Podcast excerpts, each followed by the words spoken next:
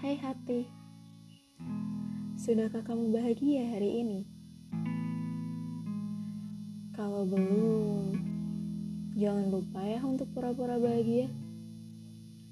Karena dunia terlalu kejam hanya untuk memperdulikan air matamu.